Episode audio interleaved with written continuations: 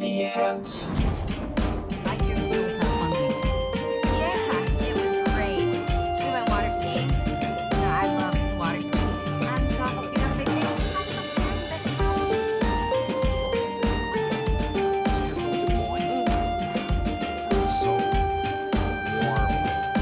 Hjärtligt välkomna till TV-heads. Det var ett tag sedan sist jag, som heter Bengt Strömbro, satt och gjorde det här radioprogrammet, eh, eller podden som det heter nu för tiden, tillsammans med Göran Danesten. Som också är här. Hej, det var länge sedan. Och just idag har du bett mig att ta lite mer lead i avsnitt. Kommer du ihåg när vi var i Lund, Bengt, och spelade in ett avsnitt med Klungan? Då tog du ett väldigt stort steg tillbaks, för det var, och vi kallade det för det konstiga avsnittet om jag minns rätt. Det här är det konstiga avsnittet eh, två. Eftersom jag är inblandad i det här projektet vi ska prata om lite grann. Så att därför tar jag ett steg tillbaka så att eh, vad ska jag säga, nepotismen inte blir för stor eller så. Och jag har inte förberett mig alls. Jag är här som, jag, som den jag är bara, Bengt. Anledningen till att vi sitter här och pratar, vi ska, vi ska alldeles strax presentera fyra stycken eminenta första gäster. Vi kommer att prata med en hel del personer här under dagen. Är just, som jag har förstått det, om inte den största, så i alla fall en av de största dramasatsningarna på SVT någonsin. Jo, det är en av, de, en av de största. Det är beroende på hur man räknar och så vidare. Men eh, en av de mer ambitiösa och eh, i vår värld, vi som sitter här i alla fall, en av de mest betydelsefulla grejerna vi har gjort. Absolut. Och det finns en fantastisk intressant historia att ta avstamp i som vi alldeles strax ska komma in på. Men först ska vi låta våra fyra första gäster få presentera sig. Johan Rosenlind heter jag och eh, kommit med originalidén. Eh, varit med och skapat eh, idén sen vidare tillsammans med Malin och Ulf och eh, också skrivit några manus. Eh, Harald Hamrell heter jag och är huvudregissör. Ulf Kvensler, huvudförfattare. Och Malin Evander, manusredaktör och manusförfattare. Hjärtligt välkomna.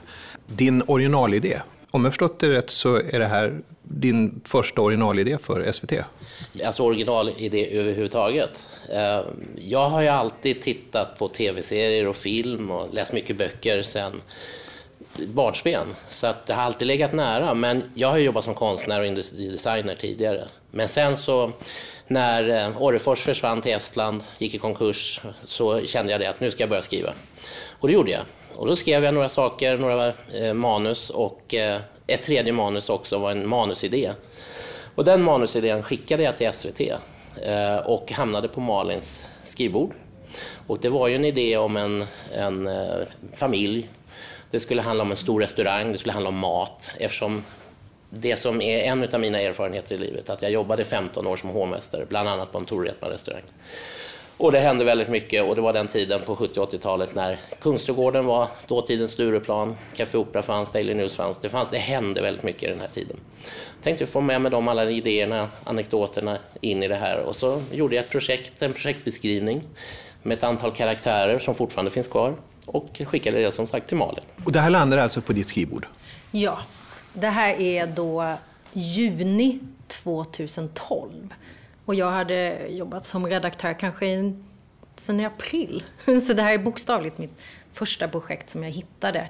Som jag kände att, eh, eller men jag blev ju faktiskt helt eh, knockad av- att allt eh, fanns i den här programbeskrivningen som Johan hade skickat in. Och då av någon som absolut inte har gjort någonting innan. Det är en ganska unik situation. Det händer nästan aldrig.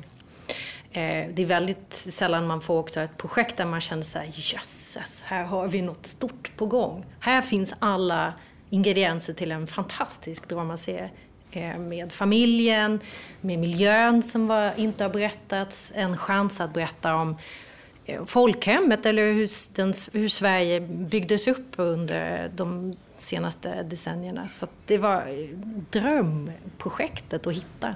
Berätta, vad var det som gjorde att du verkligen fastnade för det här? Ja, men för det första, så, först hade Johan skickat ett bokutkast som jag tittade på. ett manus. Ett manus till en bok.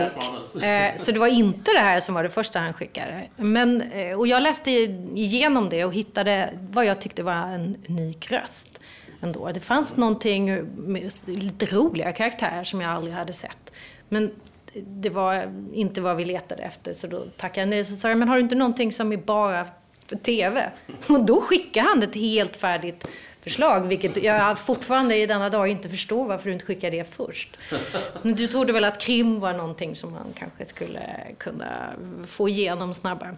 Nej men det var fantastiskt. Det var berättelsen om en familj som man får följa genom eh, ti, liksom, den svenska nutidshistorien.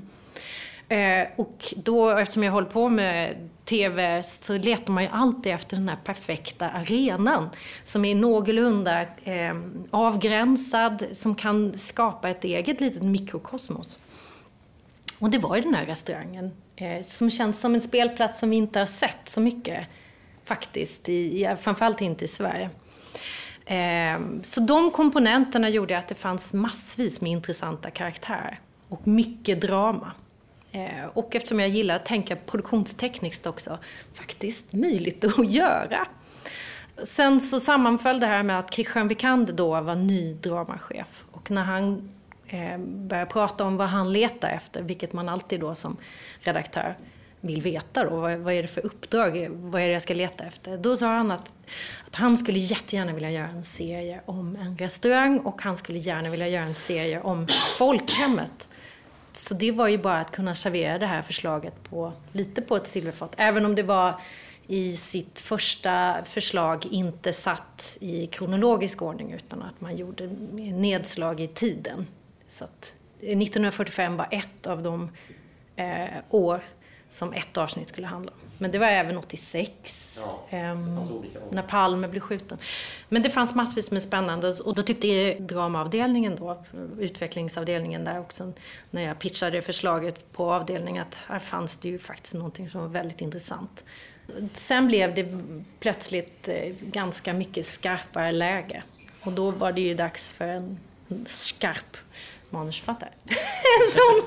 Och det vi kallar för en klassisk radioövergång, för då kommer vi över till en skarp eh, huvudförfattare, nämligen eh, Tiveheads-favoriten Ulf Kvensler som har varit med tidigare. Välkommen tillbaka. Tack så mycket. Väldigt eh, trevligt att vara här igen. Och den gången, då pratade vi om Molanders. Precis. Precis. Den Exakt. skulle ha premiär då.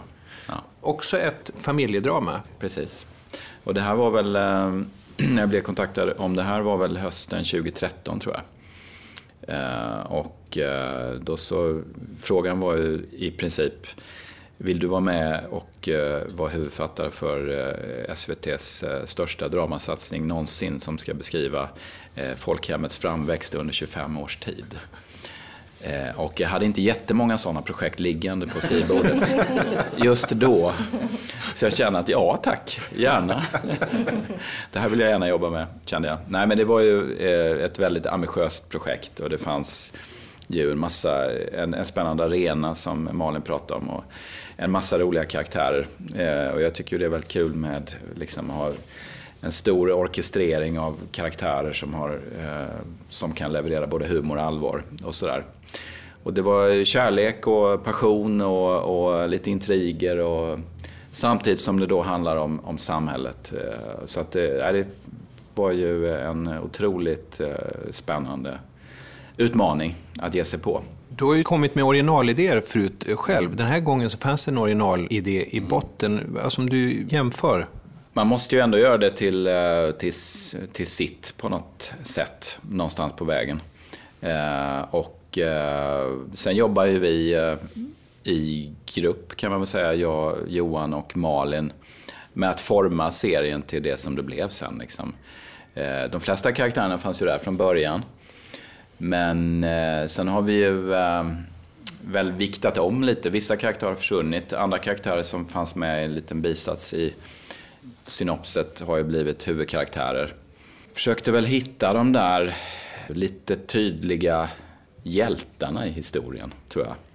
Som kanske inte fanns i Molanders på samma sätt. Där sökte vi, eller sökte jag ju efter någon typ av komplexitet och att halva publiken skulle identifiera sig med, med vissa karaktärer och andra halvan med andra och så skulle det liksom bli något spännande av det. Och det blev det ju, men här har vi ju försökt hitta kanske de där lite tydligare hjältarna som bär publikens förhoppningar och förväntningar på ett ganska tydligt sätt. Och sen är det ju inte alltid så att de som är hjältar i avsnitt ett eh, de kommer inte vara hjältar i sista avsnittet av, avsnitt, av säsong två, om man säger så. Så att vi vrider ju och vänder på det. Men, men eh, hitta de där lite tydligare karaktärerna tror jag vi, vi jobbar mycket med. Och sen ska man ju säga att vi försökte ju några gånger och fick ju riva upp väldigt mycket av det vi hade gjort i flera vänder faktiskt. Det var ju så många saker som skulle finnas på plats. Det, det, skulle handla om den här familjen och det skulle handla om restaurangen och alltså matens utveckling i Sverige och det skulle handla om folkhemmet. Så att det var ju det var väldigt mycket olika intressen att balansera. Liksom. Och det där vet ju Göran också hur mycket vi har hållit på med den balansen. Men, men eh, för det är också så att när man gör mycket research, vi har ju läst en massa böcker om, om både om folkhemmet och om eh, Tore Wretmans karriär och liksom allt sånt här. Och till slut sitter man ju på en jävla massa kunskap. Eh, och det svåra då är inte att använda den kunskapen, utan det svåra är att kasta bort den och fokusera på historierna. Um, och där, ja, det tog ett tag att hitta, hitta ja. det. Liksom. Vad är liksom det viktigaste i det här? Även om allt det här med restaurang och folkhem, allt, om vi ska hålla bort allt det och alla de här sidohistorierna. Vad är liksom den här enda historien som bara den ska göra att folk hänger kvar? Även om de är helt ointresserade av allt det andra. Och det där tog ju ett tag att, att hitta. Men sen kommer vi också på, det kommer man på under resans gång, att det finns några karaktärer som blir lite av de där vattenbärarna. Och de vill vi inte ha helt enkelt. Det vill säga att karaktärer springer på samma boll. Mm. För, då, för då blir det svårt att hitta på historier, man kan aldrig bygga scener för de blir för lika någonting man redan har gjort. Så det finns ju vissa karaktärer som har blivit sammanslagna helt enkelt. Vilket har underlättat lite för oss för eftersom vi redan har en väldigt stor cast. Men det är också för att varje karaktär ska ha en, ett uppdrag och representera någonting i serien så att de inte blir för lika helt enkelt. Det har man ju jobbat med tv-serier. Där, där man faktiskt har upptäckt att vissa karaktärer inte fyller någon funktion. Man kan inte hitta på någonting för dem att göra. Det är alltså så att SVT har valt att på ett bräde beställa två stycken eh, säsonger. Det hör ju inte till vanligheten om man tittar historiskt i alla fall. Och då gäller det ju någonstans tänka att man sätter grunden och tonen och tilltalet väldigt tydligt för det ska sedan leva vidare under inte bara en utan två säsonger. Och där antar jag Harald att du kommer in och hade en hel del tankar som regissör. Dels är det den här långa tidsaspekten att man måste börja och låta karaktärerna utvecklas under tiden. Så att vi har ju skådespelare som kanske är 27, spelar 20 och sen ska gå upp till 45 eller vad det blir. Och det är ju viktigt att, att de börjar unga så att de och vågar vara lite extra barnsliga i början så att de har något att spela på framöver. Där hjälper ju naturligtvis mask och kostym till och så vidare. Men också hur, i karaktärstolkningen av dem. Hur, hur, hur, de håller, hur de håller sig, hur de rör sig och hur de är. Så att ibland kunde jag få lite kritik för att men ska vi vara så här fåniga. Liksom. Ja, men ni måste ju våga vara det nu för ni har, sen är det, det är loppet kört. Liksom, när det har gått fem år. Då måste ni kunna ha något att bygga mot. Det var den ena aspekten. Och sen Sen ehm, eh, var det ju kul att kunna kliva in och göra hela den här arenan, hur tiden förändras.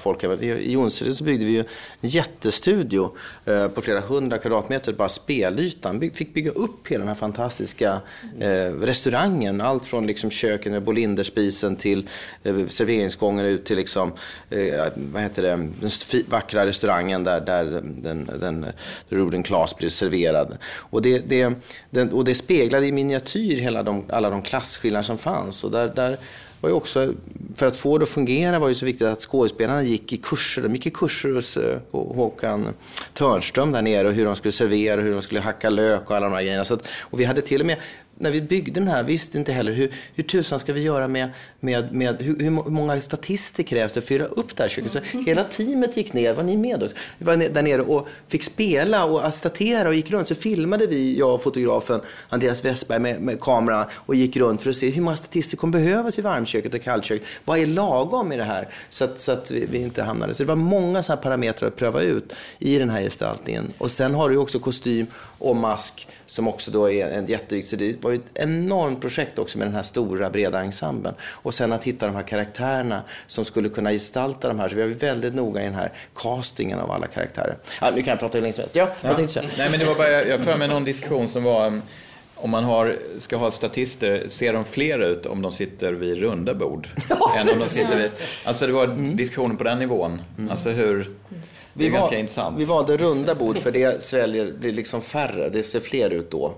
Eh, och Ehm, för du, annars blir det så att om du ska ha statister där inne, det blir så lite tråkiga eh, ekonomiska aspekter, men de är ju en realitet såklart. Så att om du ska fylla den här restaurangen, hur många statister måste du ha varje dag då som ska kläs upp i tidsenliga kläder? Och en annan sak så är det så här, vi vill ju också visa köket och så hänger man med matbricka ut i restaurangen. Men då har du liksom 25 statister där inne plus skådespelare och alla de som spelar, skådespelare som är i köket som kostar jättemycket per dag. Och alla som i serveringspersonalen som är skådespelare plus andra. Och ute i restaurangen där det sitter 50 statister plus alla skådespelare. Förstår du vilken dyr dag? Så att vi, i, i, första avsnittet då, då kostade vi på oss att göra den här långa resan med en kamera som går hela vägen ut. Men sen hade man sett det en gång, då visste ju publiken att det hängde ihop. Så behövde du inte göra det så många gånger. Utan då kunde du klippa emellan och då filma alla scenerna i restaurangen vid ett tillfälle och i köket vid ett annat. Jag känner, jag känner en av mina vanligaste manuskommentarer så här, utnyttja miljön. Så här, gör, jag pratar mycket om miljöväxlingar. Så här. Eh, och det kommer ju det här ljuset. Eh, ja, så att, nej, men det var jättebra att ni satte det. För, och det ska man, man ska ju nämna en person som jag känner kanske inte nämns egentligen nu när vi lanserar den här serien och vi är ute och pratar och det är galapremiär ikväll och sånt där. Men scenografen Michael Higgins som har eh, gjort bygget och i, i samarbete med era visioner och så vidare som har skapat en miljö som är extremt tacksam eh, gissar jag för dig Harald och övriga regissörer och hela teamet att skapa en levande miljö eh, där du hela tiden kan hitta nya vinklar, nya scenerier och eh, om man vill och när man har råd skapa stora scenerier och så vidare. Det är fantastiskt viktigt. Precis som Göran säger, när vi utvecklade det här så var ju poängen att det är 20 timmar som ska utspela sig där. Så vi måste kunna ha kameran på väldigt många olika sätt för att kunna variera de här miljöerna så att man inte känner att det, nu står kameran på samma ställe igen. Och det var ju en, en grundförutsättning. Men det gäller också var ljuset kommer in ifrån så du kan se dag eller natt eller hur det hänger ihop med de övriga miljöerna. Tiden är 1945, men en sak som jag skulle vilja prata lite grann mer om handlar om, om tilltalet, tonen i, i språket. Alltså hur har ni jobbat med det? Det är ju en eh, avvägning där, eh, för att det får inte låta för gammalt för då känns det 40-talsfilm. Men det kan inte heller låta för nytt för då känns det inte trovärdigt. Så att vi har väl försökt hitta ett lite neutralt språk. Ja, jag tycker ni har varit bra. Ni har haft med vissa idiom från den tiden, men inte för många. Vi har, väl ganska, vi har försökt vara texttrogna och inte för mycket moderna mellanord som då gör det för modernt. Eh, Och det är precis som Ulf säger, man måste hitta ett gyllene snitt mellan de här. För pratar man som man gjorde då så studsar folk och pratar man som man pratar nu så inser jag att det här kan inte stämma heller. Så man måste ligga någonstans mitt emellan så att det inte blir ett hinder utan att man accepterar den miljön, den tiden. Och det har varit en kontinuerlig process kan man säga. Vi hade ju också innan vi började med inspelningarna hade vi ju en lång eh, läsning av de fyra första avsnitten med nästan hela ensemblen nere i Göteborg. Och då hittar man ju en del, en del repliker som, nej det här, det här ligger inte bra i munnen liksom. Det här, de här ligger, har hamnat lite snett. Så att då justerade vi eh, efter det ju. Och skriptan hade ju då tillgång till NE-ord. Så hon kunde ju gå in och kolla ett ord och säga, ja men det kom 1928 eller det kom 1912 eller sånt där. Då vet man, ja det var inne within range liksom. Men nej, det kom 55 liksom. Ja, då kan man inte ha det för tid. Så där, på den punkten var vi ganska noga också. Med risk för att eh, säga något som eh, TV-hets eh, lyssnare redan har full koll på så kan jag säga att eh, ordet ligg finns belagt sedan 1919 tror jag. Jag tycker att det ska bli en del av kampanjen. För att är det, det, ja, men det är, det, den här balansgången är ju svår, för just Ninas replik, ett ligg i slutet på första episoden, är ju sån här som, även om det är korrekt bevisligen, så är det så här, det är väl det folk, en sån grej Väldigt folk kommer att haja till på på. det. Men vi, vi, vi bestrider det. Det Jag kommer ihåg när vi satt i manusrummet eh, allra först, där vi pratade just, långt innan vi kom in i till inspelning, så pratade vi väldigt mycket om det här med 40-talsspråket. Men vi kom på då, Hasse Ekman, för sin tid hade han ett väldigt modernt språk. Han var en av de få som inte pratade det här tjenare tjenare, utan han pratade en ganska schysst stockholmska liksom, med många moderna ord redan på 40-talet. Jag kommer ihåg att vi hade det som en referens ett tag, kommer ni ihåg det? Eh, som var ledande liksom, när vi skulle börja hitta på eh, hur skulle det landa? Som till slut landade på det här sättet som ni berättar. Men eh, han var väldigt modern i, i sitt språk redan på den tiden. Alltså, jag tror det är jätteviktigt. Det är, så, det är så många sätt som man riskerar att hamna i att vara så redovisande för miljöerna. Att det ska, man har lagt ner så mycket pengar, det är så snyggt så att man vill nästan liksom visa lite vidare bilder bara för att visa att man har lyckats göra det. Och det tror jag är en jättefara. Jag, det viktigaste var att göra det modernt och spännande och nutid så att man åker med karaktärerna, åker med berättelsen och är med den och gör det rappt hela tiden, där det ska vara rappt. Och handkamera, och, alltså, strunt i att det, det är 1945. Gör det som du gjorde en, en, en serie idag, vilken som helst. Mm. Gör ett sånt, och gå med historien istället. Mm. För annars så riskerar man att stanna i något krampaktigt över, över den tiden bara för att det är dåtid. Så, att det har liksom, så den har jag och Andreas Westberg haft i åtanke hela tiden. Det gäller också de andra regissörerna, vad heter det? Molly Hartleb och Anna Zachrisson och eh, Andrea Östlund. Att vi har liksom haft det mantrat, att vi har tänkt i de banorna. Gör det modernt liksom. Gör det bättre. Men det är inte sagt att man inte ska göra det episkt och stort. Det, det har ju varit en grej också. Det ska vara lite maffigt att se på det här. Det ska smaka om miljöerna, såklart. En säsong nu i höst, eh, säsong nummer två kommer nästa höst. Förhoppningsvis eh, kommer en tredje säsong eh, kanske året där, därefter. Hur många säsonger finns det i den här historien? Eh, jag tror att det finns egentligen väldigt många säsonger för att drivkraften och basen i det är ju Sveriges utveckling. Och då kan man ju gå vidare hur långt fram som helst egentligen. Grejen är ju bara att man kan inte ha kvar samma karaktärer.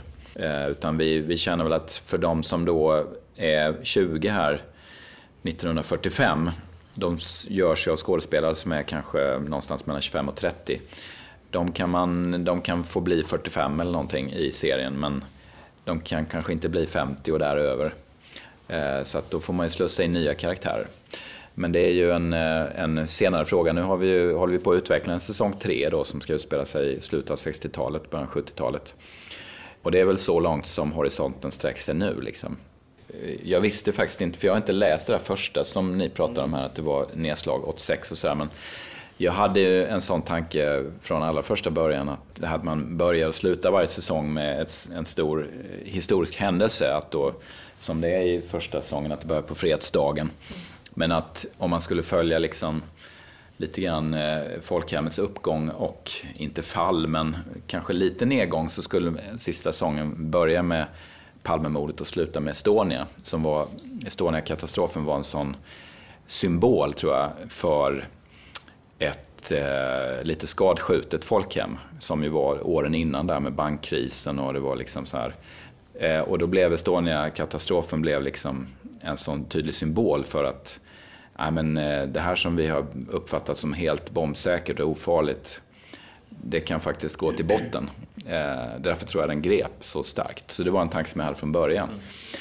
Eh, men, och det skulle man kunna göra, men då får det bli med andra karaktärer. Eh, Jag kan ju också säga, till, lägga till där därför att eh, första, alltså när vi tänkte det här över tre säsonger, som vi fick uppdraget av från början, då var det ju också så här att den första säsongen skulle handla om restaurang.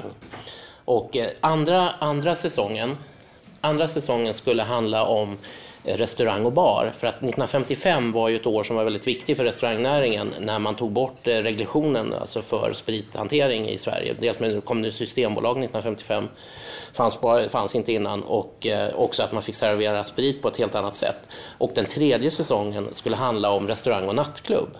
Ungefär som Alexandra Charles öppnade. Liksom. Alltså det fanns en, en, en så här, jag vet inte vad nästa steg skulle vara. Det är väl att det blir riktiga diskotek 1977 när diskon och punken när alla står som högst i restaurangnäringen. Så att säga. Det finns ju annat att plocka upp hela tiden.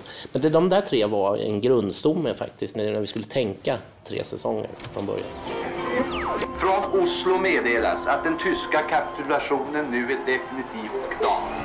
Det är fred! Tyskarna har med klockan 4.20 natt betraktats som krigsfångar. Mina damer och herrar, som några av er kanske redan har hört, så har vi idag fått fred i Europa. Ja, Göran, vi har precis pratat med upphovsmakare och regissör för Vår tid är nu. Vet du vad jag saknar i, i avsnittet? Jag tror att du saknar mer av mig. Ja, det gör jag. Eh, och eh, vi har ju förklarat bakgrunden till att du ligger lite lågt eh, eftersom du är exekutiv producent för Vår tid är nu. Men gissa vad jag skulle vilja att du ändå bjöd oss på som du alltid brukar vara väldigt duktig på i våra avsnitt. Ja, jag tänkte faktiskt på det när vi satt och pratade med dem förra, men jag vill inte bryta in där i min ödmjukhet. Eh, du har ju lärt mig en sak Bengt, nämligen att alltid berätta var vi är någonstans och så ge en liten miljöbeskrivning. Det har jag suttit och gjort i Los Angeles, i Brighton, i London och på andra platser, men du har inte gjort det här än, så att vi kanske ska berätta var vi är. Vi sitter i fashionabla lokaler på Strandvägen i Stockholm på en konferens, eh, konferensanläggning kan man väl säga. Som är eh, ett myller av korridorer och olika rum där alla fantastiska människor som jobbar med dramaserien Vår tid är nu eh, hanterar just nu en pressdag där vi möter journalister och eh, andra, även vissa podcastare för att eh, berätta om den här serien som snart har premiär. När vi väl har lagt ut vårt avsnitt, det kommer att dröja några dagar, så kan man nog förmodligen ha hunnit läsa eh, lite artiklar och kanske sett något tv-inslag och hört något radioinslag och så vidare. Och då ska man veta att det är från samma källa, det vill säga denna dag. Vi sitter nu med en person, men en väldigt viktig person det är också för den här serien, nämligen Susanne Billberg, Ja. producent. Ja. Kan du inte berätta lite grann om, om din bakgrund? Jag har jobbat med drama sedan 2000. Innan dess så gick jag på plantskola i form av reklamfilmsinspelningar sedan 89, slutet av 89. Eh, det var faktiskt en bra plantskola. Man lärde sig mycket och snabbt där att hantera själva produktioner. Sen från 2000 så, så började jag producera drama då på Jarowski som vi är fortfarande är på. Eh, och jag har producerat eh, flera prisvinnare faktiskt. Laura Trente-serien var vi nominerade för Emmy med, alltså internationella Emmy. Millennium var jag linjeproducent till alla böcker, alla tv-avsnitt och långfilmer där. Och där fick vi Kristallen och lite annat för Millennium-serien. Eh, sen Lasermannen innan dess, som jag nog är mest stolt för skulle jag säga. Det brukar jag alltid säga. Vad var, var är du mest stolt att ha producerat? Och det är Lasermannen faktiskt. Och det, jag fattar inte varför inte den går i repris för. Det borde den göra hundra gånger. Och lite långfilm, Tsatsiki, eh, barn. Jag gillar att jobba eh, växelbruksjobba så att säga. Både göra barnserier och drama och epokserier. Det är det jag, tycker är jättekul. Jag var ju på Yellowbird ett tag där, eh, Millennium då. Det är ganska fokuserat då på, på bara krim. Jag tycker det är kul att göra, producera olika faktiskt. Det är det man får en kick av faktiskt. Jag gillar mitt jobb. Jag har hållit på med länge så jag älskar faktiskt mitt jobb. Tycker det är kul. Då borde du få ditt lystmäte nu, för det här är ju inte krim och det är två säsonger på en gång. Precis, så roligt och så lyxigt och så det ger också så mycket kvalitet till serien. Nu kan vi verkligen fokusera på vad vi kan lägga pengarna rätt. Det vill, tänker man ju alltid, men ännu mer här kan man göra vinst, win-win. Men som bara restaurangen till exempel. Vi bygger upp den och nu håller den för två säsonger. För det där är, tycker jag är just väldigt intressant utifrån ett producentperspektiv. Alltså på vilket sätt kan tittaren få ett mervärde av att man gör två säsonger på en gång? man får en otroligt mycket rikare serie därför att man eh, därför att man kan när man får filma back-to-back göra enormt, enorma besparingar på scenografi till exempel. Men även, eh, vi är ju på massa olika locations och då kan man ju blocka det på ett helt annat sätt. Eh, nu har vi blockat tre avsnitt och fyra avsnitt eh, i första säsongen. Eh, Eh, och och det, det, då blir det att man får en hel dag hemma hos Gustav och filma. Man behöver inte förlänga, man behöver inte byta plats två gånger eller tre gånger som det kan bli ibland. För då blir det en massa regitid som försvinner. Så att det är fantastiskt att, kunna vara på ett ställe en dag och filma hela dagen där, eller två dagar. Eller som till exempel Helgas miljö, eh, Näs slott i Göteborg. Där, var, där blev det ju som en studio. Vi fick lämna kvar allting där. Så det var ju som en studio. Och då, då får man så mycket mer regitid. Och mer regitid är kvalitet. Jag tänker på, för att bara säga, tänker Tiveds är en pedagogisk podd i första hand. Och, och när vi pratar om att blocka avsnitt och så vidare, även om de flesta förstår det, så, så handlar det om att man skjuter scener från samma miljö från flera avsnitt på en gång, vilket naturligtvis är en besparing. Det är ganska vanligt att man gör, men vinsten vi har kunnat göra här med en, med en större beställning har ju blivit ännu större än i vanliga fall. Då. Får jag bara säga en sak sen? Vi sitter ju rent, Susanne eh, nu och jag, och vi är glada över premiären som står för dörren. Men vår vardag nu består ju väldigt mycket av att eh, jobba med säsong två. nu. Och, och eh, nu kan vi inte ens beskriva den säga, glädje över över att ha haft förmånen att jobba med två säsonger på en gång när det handlar om karaktärsutvecklingar och så vidare. Vi ser nu alltså payoffs, belöningar vi får över att ha kunnat tänka långt med våra karaktärer, eh, också innehållsmässigt. Då. Så både praktiskt, ekonomiskt men också dramatiskt så är det ju en enorm fördel vi har haft. Och saker vi ser nu i säsong två hade inte varit så finkalibrerade, så eh, jävla bra om de hade kom- tillkommit på ett sedvanligt sätt kan jag tycka. Det är inte så att alla serier alltid ska levereras eller beställas i flera säsonger på en gång. Det är, det är inte alltid det funkar eller det, man har råd och så vidare. Och det är inte rimligt i alla lägen. Men, men eh, samtidigt så har vi kanske inte varit så där superbra på att stå redo för när någonting blir populärt, går bra, visar sig fungera. Eh, utan att nämna några namn. Att, att, det är ju jätteviktigt för oss, oavsett om det är nu tvåan till trean eller om det har varit ettan till tvåan, att stå redo och göra en kvalificerad bedömning av, ska vi göra mer av det här? Mm. Och att inte det då så att säga, tar ett år i utveckling, Nej. utan att vi står där och är beredda. Det är viktigt. Det handlar, han, handlar om att behålla momentum. Ja, hålla momentum, säkra det man behöver säkra Mm. till en rimlig kostnad eh, och, och skapa den där lilla knappen man ska kunna trycka på. Så.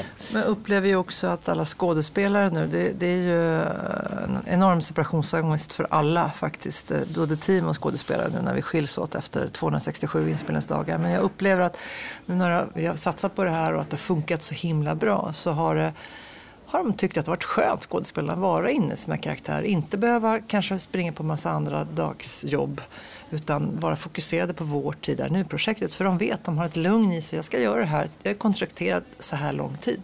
Det har många av skådespelarna sagt.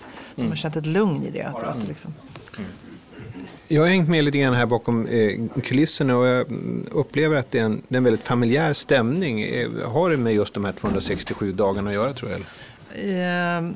Ja, från oss i produktionsgänget. Alltså då menar jag produktionsledare, linjeproducent, produktionsassistenter och eh, Harald Hamrell som satte serien från början som regissör. Vi sa nu ska vi ha kul de här två åren. Vi ska, blir det kul då blir det också bra.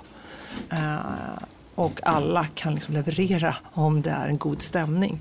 Det är inte så att det ska vara klämkäckt på något vis men det ska vara på tårna men vi ska ha kul. Eh, och så fort det också är någon, jag, det är ju så många år som jag jobbat ihop nu, två år. Och det är inte så vanligt på filminspelningar, långfilmer. Eller, så då har man tagit tag i problemet på en gång och bara styrt upp det. Inte väntat. Utan, så vi, vi har satsat på god stämning.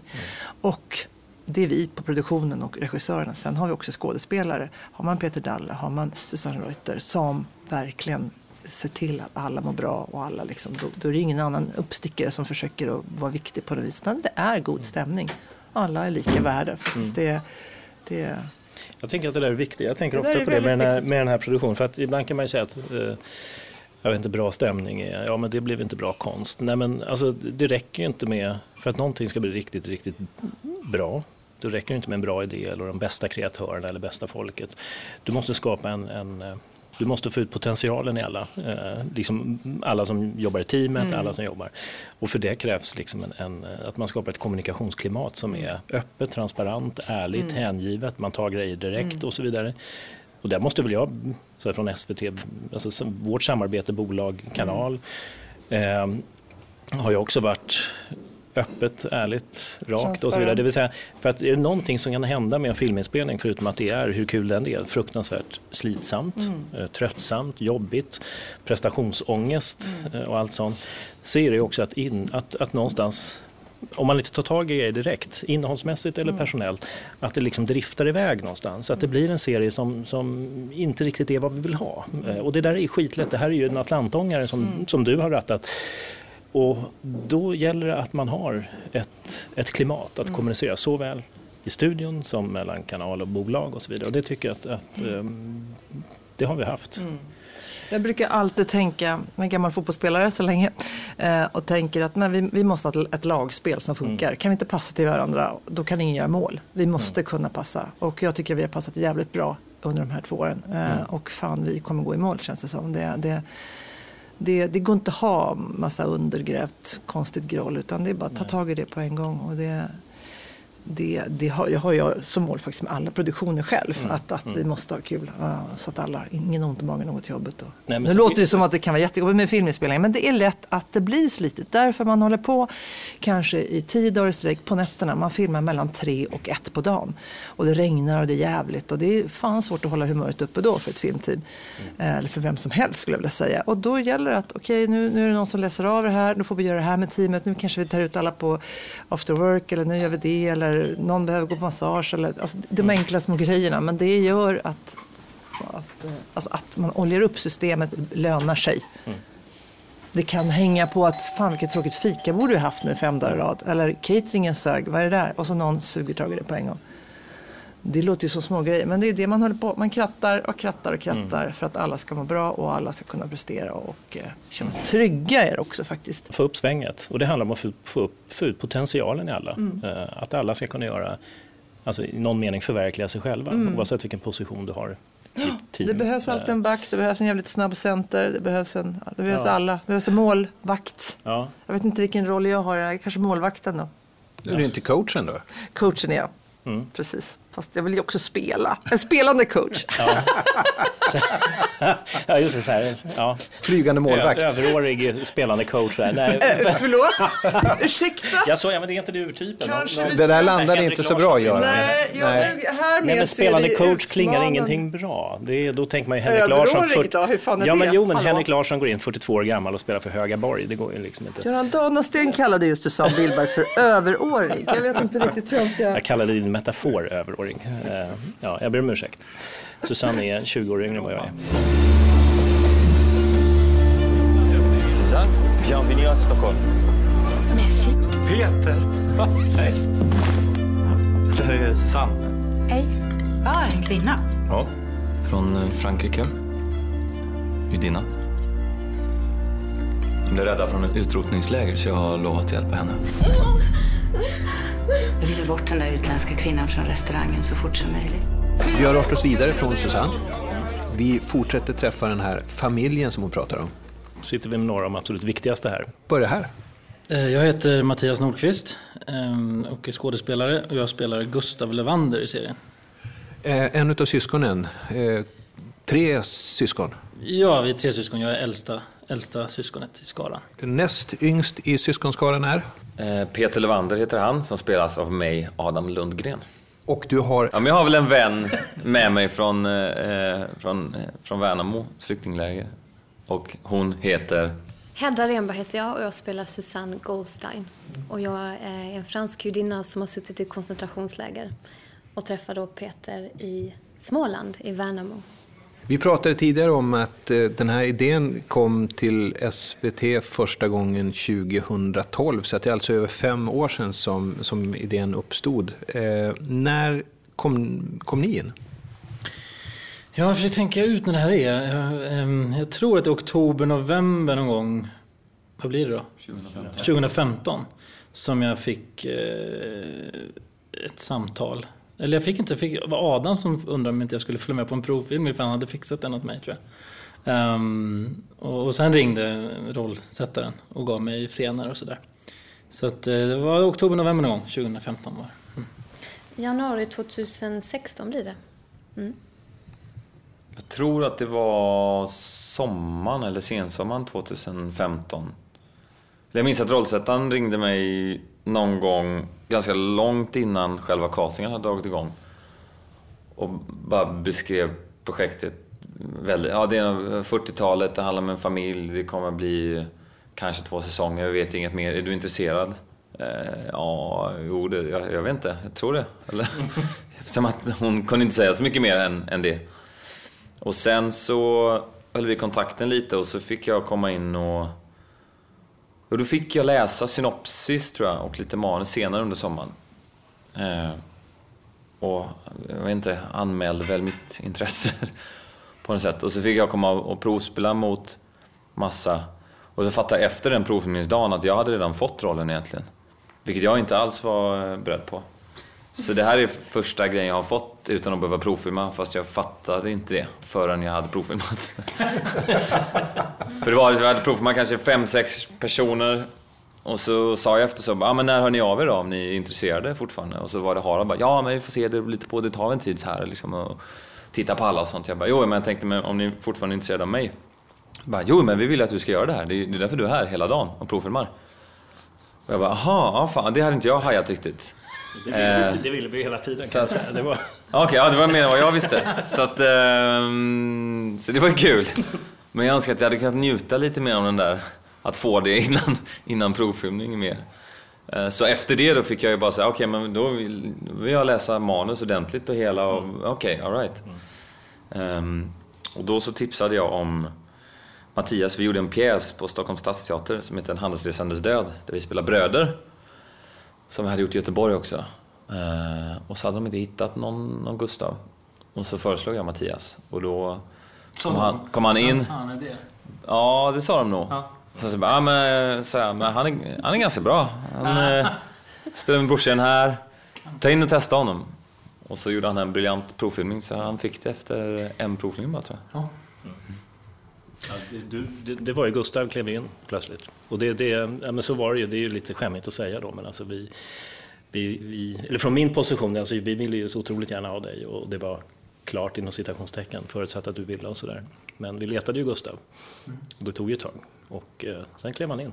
Jag hörde att ni har jobbat, varit 267 dagar och varit inne i, i den här mm, världen. Hur har det påverkat er som, som skådespelare?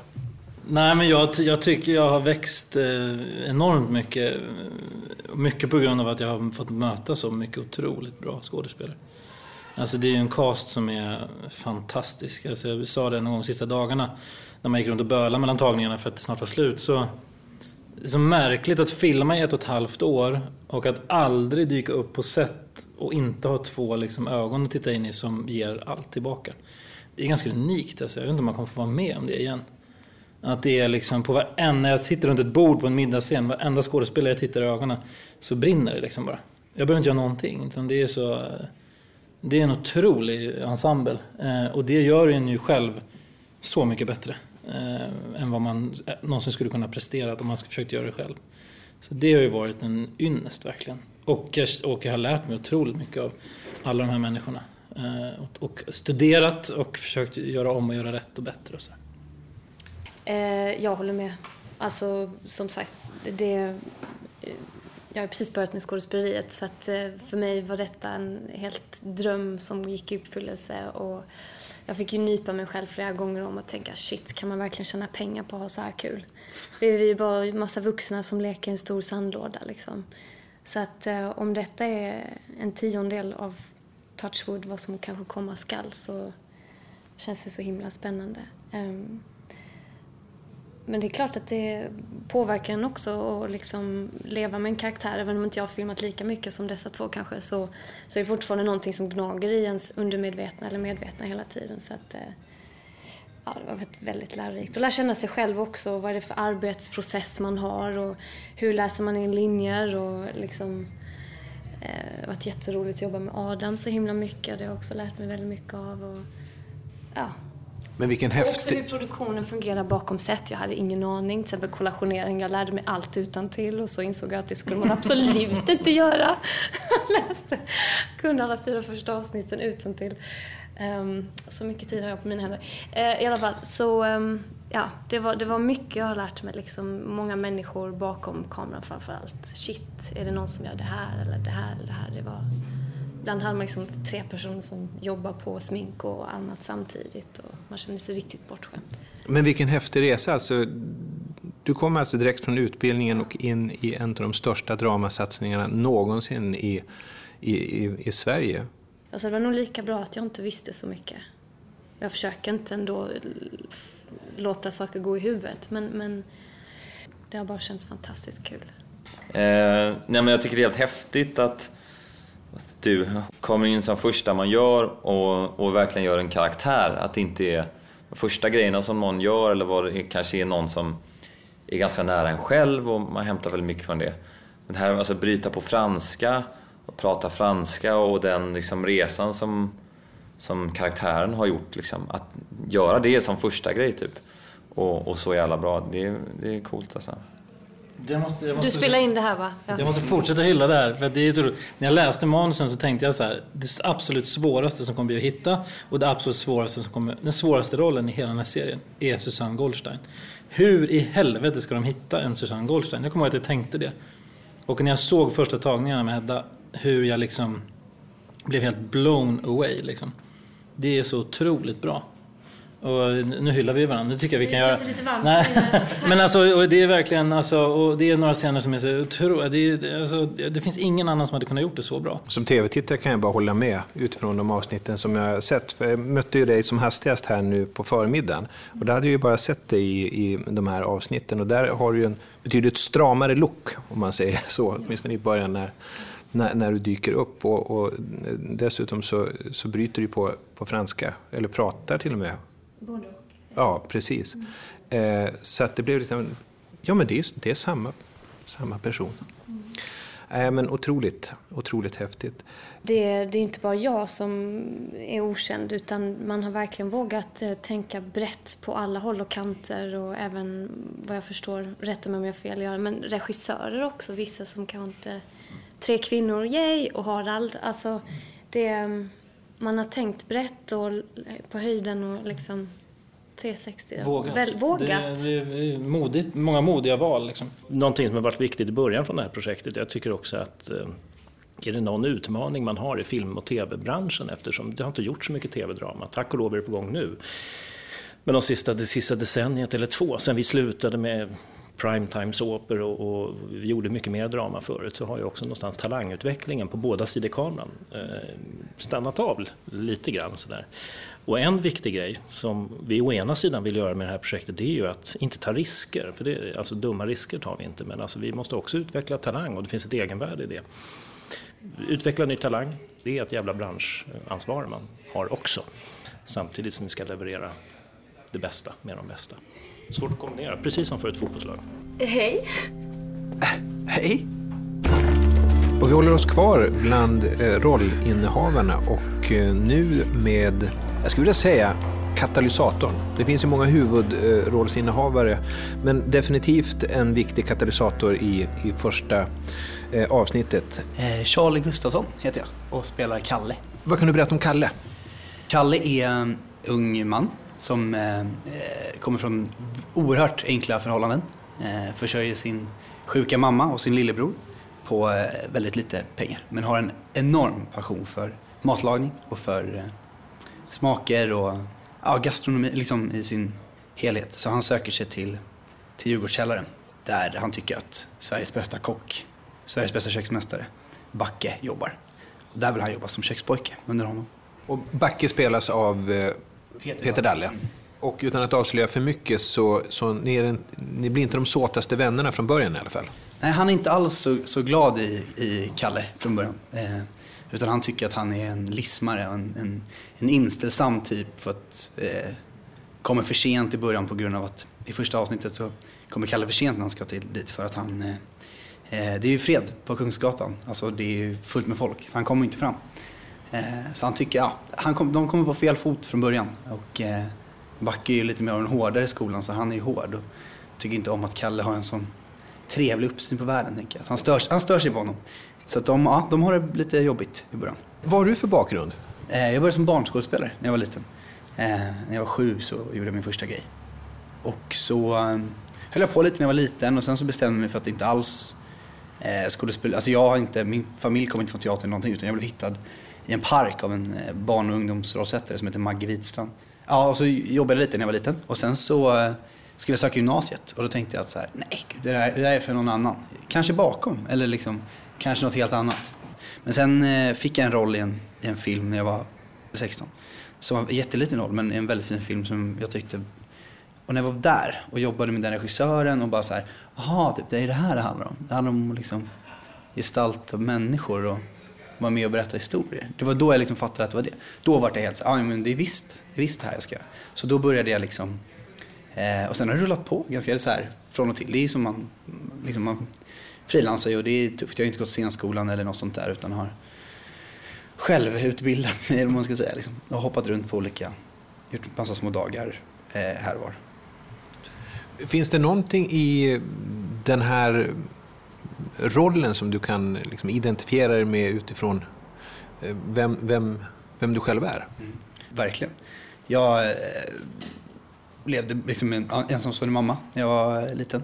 Vi hade det, vi hade inte liksom super, inte som Kalle då, men vi hade det knapert och det var liksom eh, Ja men alltså den klassbakgrunden kommer man väl från Nu var det ju liksom lite annorlunda 1945 men absolut att man kommer från om det nu finns en sån, men en arbetarklass liksom. Och en, eh, så. Det har jag verkligen med mig inne i Kalle. Om jag har förstått det rätt så är ju Kalle en utav de här karaktärerna vi kommer att följa över väldigt lång eh, tid. Också en klassresa också. Absolut, det gör han ju. ja, i första avsnittet så säger han till och med det att allt, han tänker att allt är möjligt nu när kriget är slut och han har ju en otroligt driv och en passion just för det här med maten men tänker ju verkligen att så här, det, är, det är fullt möjligt att jag, jag jobbar mig upp eh, som kock och sen ska jag öppna mina egna ställen och så ska jag liksom eh, leva på det. Liksom, jag ska, liksom den här, jag vet inte om han ens liksom tänker att det är en klassresa när han liksom sätter igång med den men han är ju helt övertygad om att det är klart, bara man jobbar hårt och, eh, så kan man göra det. Liksom. Och en jäkel på rårakor. Rårakorna har liksom en egen, de har en egen roll, i alla fall för mig är de väldigt superspeciella. Det är väldigt fint, det kommer man också få se i serien sen. De återkommer liksom hela vägen. Lagar du rårakor hemma själv nu, så privat? Har du börjat göra det? Helt otroligt mycket. Till min flickans stora eh, förtjusning. Hon, jag lagade ingen mat innan där. Jag var helt, jag var helt, var helt obegåvad i köket och tyckte att det var jättetråkigt. Eh, och sen så började med det här och så hade jag en, fick jag liksom gå på lite så skol, eller ja, träffa eh, Håkan Törnström, den kocken, ett par gånger och sen så hade lite kontakt och så ja, fick jag öva på liksom alla de här momenten i köket. Och helt plötsligt så började jag liksom laga mycket mat. Och då framförallt, det blev en hel del rårakor som man provade med olika tillbehör, liksom vad funkar och vad funkar inte. Så att det har blivit mycket matlagning och min tjej är väldigt glad för att nu, och det blir ganska bra faktiskt. För den som inte har sett ett av, eh, någon, någonting än, så just rårakan spelar en stor roll, inte minst i första avsnittet som man kommer att se.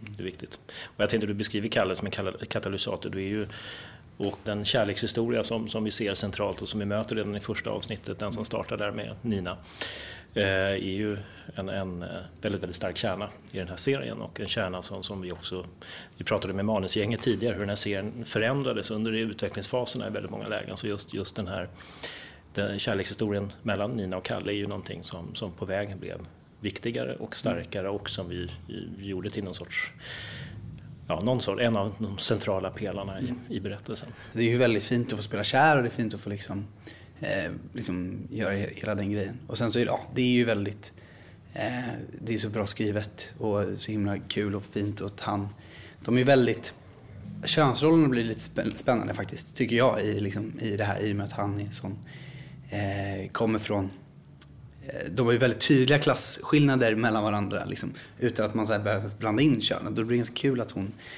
Eh, ja, de, de lite, blir lite omkastade i och med att de är så eh, skilda från varandra. Men det har varit, eh, om jag får säga så, det roligaste har varit faktiskt att få göra den kärlekshistorien. För att de har ju liksom sina stora passioner med Nina med klubben och musiken och allt det där och Kalle med, med maten. Men någonstans så liksom så här landar han ändå alltid i att så här, hon, det är liksom henne som är, hon är det viktigaste.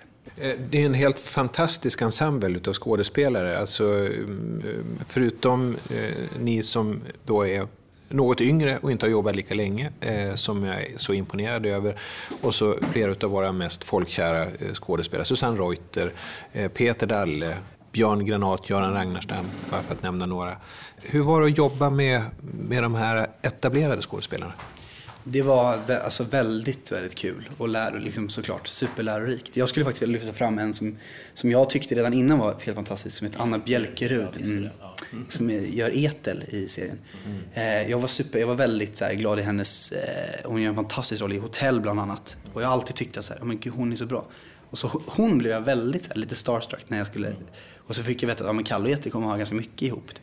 Och vi har ju blivit sådär supertajta, både så här privat och det har ju varit helt magiskt att få landa i hennes ögon och bara så här, bara, man, det är bara att lyssna och så bara hur reagerar man på vad hon gör? Alltså om det har varit, så hon har verkligen varit en dröm. Klubben var min idé. Det är jag som har skapat den. Inbilla dig inte att en karriär inom restaurangen är en möjlighet för dig. Vi får väl se. Vi pratade alldeles nyss om eh, den kärlekshistoria som är lite av en katalysator i, i det första avsnittet. Vi pratade med, med Charlie om det. Och den andra parten i den kärlekshistorien står eh, Hedda Stiernstedt för i rollen som Nina Lövander, eh, dotter i familjen. Nina Lövander är 19 år. Hon är väldigt levnadsglad. Hon ehm, har levt en ganska skyddad tillvaro i eh, överklassens Stockholm. Um, har hittills inte stött på så mycket hinder egentligen, vilket har gjort uh, att eh, det mesta känns möjligt. Hon är väldigt passionerad, musikintresserad och kriget är precis över. Allt är möjligt. Det finns inga hinder. Än. Sen kommer ju verkligheten komma ikapp så att säga. Men nu är allt möjligt när serien tar sin början. Hur mycket av eh, Hedda finns det i Nina? Eh, ja, men det gör det väl. Eh, det är svårt att göra någon karaktär utan att ta med sig själv. Man är ju bara sig själv när man kliver in. Sen kan man addera och, och det är omständigheterna som den karaktären har varit med om delar jag såklart inte. Men vi är väl både lika och olika kan man säga. Jag, hon är mm, väldigt passionerad och det tror jag och hoppas att jag delar. Och hon eh, har en framåtrörelse och en vilja, benhård vilja jag kan känna igen mig. Sen så kommer vi från olika ekonomiska bakgrunder och hon är ju ganska bortskämd. Vilket jag tycker är bra. Man ska liksom ha många, och jag, då har ju Hedda i sin tur säkert tusen dåliga sidor. Eh, som Nina inte delar. Men, eh, men det finns saker vi delar och saker vi inte delar. Men hon drivs av en passion och en empati till stor del i alla fall. Och eh, moder till Nina, Helga heter karaktären, spelas utav Susanne Reuter. Du är också hjärtligt välkommen till Tiveheads. Tack. Vad kan du berätta om din roll? Ehm, Helga Levander är mamma och matriark i det här restaurangdramat. Du har ju varit med i väldigt många olika dramaserier för tv och långfilmer och, och, och stått på scen. Och nu och nio igen en sån här stor definierande roll med sina dubbla säsonger. Vad har du för tankar nu så här just innan premiär? Vad jag har känt de här dagarna är att det är tråkigt att det är slut på den här avdelningen. Alltså det här, den här tiden vi har haft har varit fantastisk. Sen, sen tänker jag ju på att det blir roligt för publiken att få ett drama. Epok, kostym, scenografi och skitsnyggt foto och jättebra manus. Vi är bra skådespelare som är med. Det, det ska bli roligt att få visa det här för publiken. Och jag, om du kommer sen och frågar, känns det nervöst eller känner jag press för att det ska bli bra så gör jag inte det. Och inte nervös eh, för det, därför att jag vet att det här är bra Eh, efter alla år. Och du säger jag har gjort mycket, jag har läst många manus och jag har varit med mycket. Här har det funnits pengar och pengar betyder tid. Alltså har vi hunnit förbereda oss och inte bara vi skådespelare utan regissörer och eh, maskkostym, scenografi, ljussättning, foto och så vidare. och så vidare. Därför blir det bra.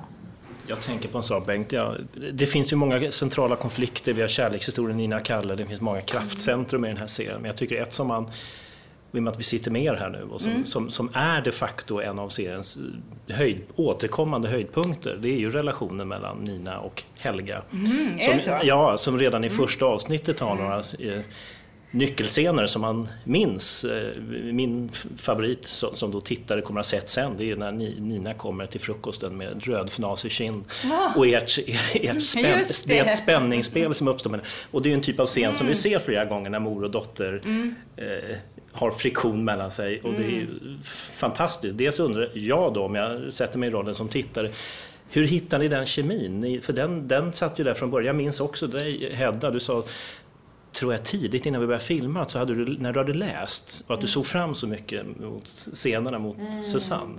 Berätta bara om det finns något att säga, hur ni jobbade ihop och hur ni hittade det där direkt som det såg ut. Alltså det, det skedde i rummet på något sätt. Jag tror att det är så. Jag menar, eh, det som är bra med relationen mellan mor och dotter är att det är just de där spänningarna. Sen får de mötas någon gång ibland, men det är, det är oftare friktion mellan dem. Och så är det ju, att vara en ung vuxen mot sin mamma, det är ofta friktion. Så att det var ju, jag tycker att det var väldigt bra, vi behöll det, det fick vara så. De har lite, det är lite svårt att mötas. Och det är just det för att någonstans tror jag att, eller som jag kände i alla fall inför karaktären att Nina ser ju på något sätt mycket upp till Helga. För hon har ju gjort det som Nina vill göra. Jobba, vara matriark, styra familjen. Få vara fri att agera som arbetsför kvinna, så att säga. Ehm, så hon tänker hela tiden att Helga ska förstå medan Helga agerar efter det sättet hon vill skydda Nina.